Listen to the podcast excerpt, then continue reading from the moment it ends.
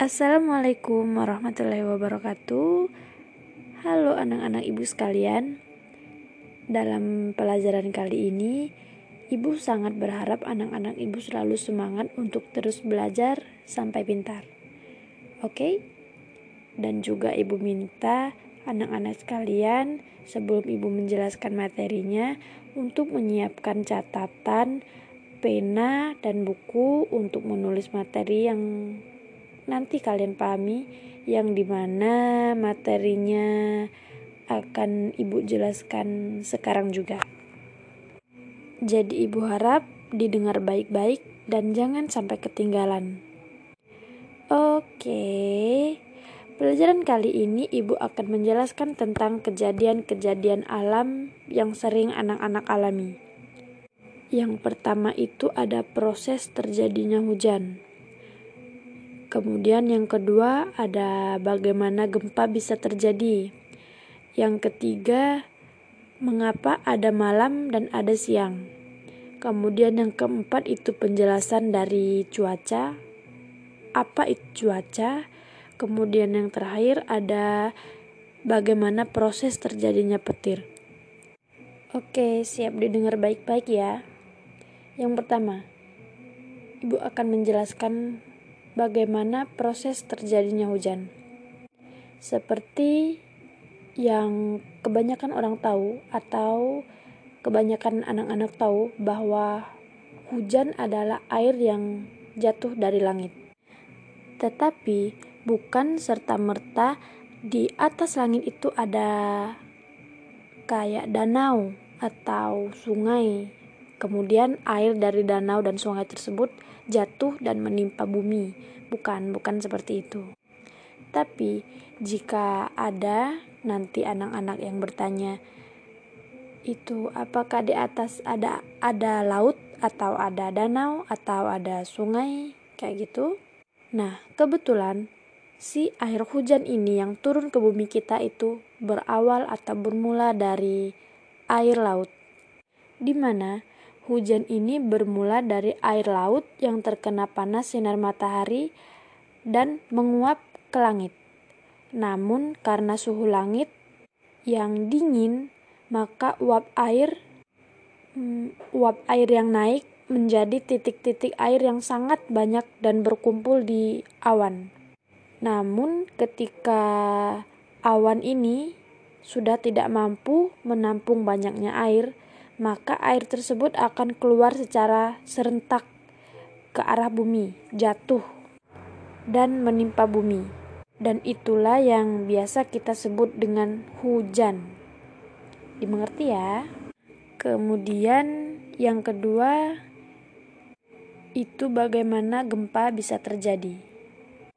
Bagaimana gempa bisa terjadi?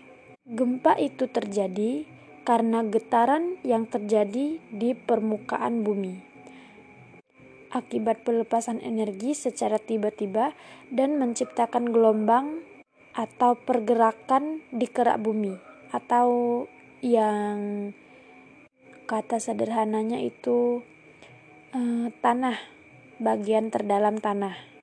Kemudian tanah tersebut bergeser Lalu geseran tersebut itu menciptakan e, pergerakan, kemudian terjadilah gempa. Lalu yang ketiga itu mengapa ada malam dan mengapa ada siang? Yap, ini penjelasannya itu sangat simpel gitu ya, anak-anak di mana kenapa bisa terjadi siang dan malam itu patokannya adalah kepada matahari. Di mana ketika di mana kok ketika di mana maaf. Di mana ketika bagian bumi terkena paparan sinar matahari itu akan mengalami siang hari. Dan begitu juga sebaliknya. Ketika bagian bumi yang membelakangi arah matahari itu akan mengalami malam hari. Maka dari itu, ketika kita di sini mengalami malam hari, tetapi di bagian negara-negara benua lain jauh dari tempat itu, di, jauh dari tempat kita ini mengalami siang hari.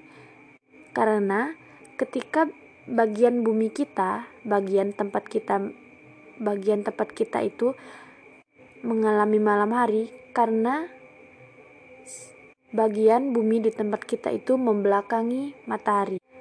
Sedangkan di negara-negara lain, di benua lain itu sedang menghadapi matahari, maka terjadilah siang hari dan juga sebaliknya kepada kita. Kemudian itu yang keempat ada pengertian dari cuaca. Cuaca itu adalah hmm, keadaan udara di suatu daerah namun dalam waktu-waktu tertentu. Anak-anak ibu pasti tahu cuaca apa saja yang sering kita alamin, terutama di tempat kita, di sekitar kita. Yakni cuaca yang sering kita alami yaitu ada cuaca cerah, kemudian ada cuaca panas, lalu lalu ada cuaca hujan, kemudian juga ada cuaca dingin. Dan ada juga yang lain.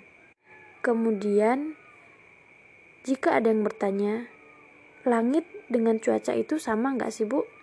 Jawabannya adalah beda. Tetapi, langit dengan cuaca itu mempunyai hubungan yang sangat erat. Kenapa? Karena cuaca. Kenapa? Karena cuaca dapat diketahui dengan mengamati langit atau kata lainnya eh nggak kayak gitu. Karena hubungannya adalah cuaca eh perubahan cuaca dapat diketahui dengan mengamati langit. Maka itulah hubungan antara langit dan cuaca. Contohnya ini contoh kita sehari-hari. Pastinya anak-anak sudah tahu gitu nah. Nggak perlu dijelaskan. Tapi Contohnya itu seperti cuaca cerah. Cuaca cerah itu ditunjukkan dengan sinar matahari yang jelas terlihat di langit dan juga langit yang berawan serta suhu yang tidak terlalu panas. Itu adalah keadaan langit yang menunjukkan bahwa cuaca sedang cerah. Lalu juga ada cuaca yang dingin. Cuaca yang dingin itu ditandai dengan keadaan awan yang berwarna abu-abu dan suhu terasa dingin. Lalu selanjutnya juga ada cuaca hujan. Cuaca hujan itu ditunjukkan dengan keadaan langit yang berwarna abu-abu dan juga ada yang gelap. Dan hujan mulai turun dari awan. Kemudian yang terakhir itu ada bagaimana proses terjadinya petir. Petir itu itu kilat. Ada yang juga ada juga yang bilang petir itu kilat atau juga halilintar. Tapi itu adalah sama, sama aja petir, kilat dan halilintar itu sama. Dalam pengertiannya, petir adalah gejala alam yang biasa muncul pada musim hujan. Petir terjadi saat hujan disebabkan karena adanya pertemuan banyak es di awan. Jadi di awan itu ada esnya juga. Jadi es di awan itu saling bergerak. Saling bergerak dan bertemu yang menyebabkan tabrakan. Dan tabrakan itulah yang membuat muatan listrik pada petir. Kemudian juga membuat suara dentuman pada petir. Seperti itu. Nah, oke, okay. sepertinya sudah cukup jelas penjelasan dari Ibu. Ibu harap anak-anak mengerti dan paham bagaimana proses terjadinya fenomena-fenomena maaf, fenomena bagaimana proses terjadinya fenomena-fenomena alam yang sering kita dapati atau yang sering kita lihat dalam kehidupan kita sehari-hari.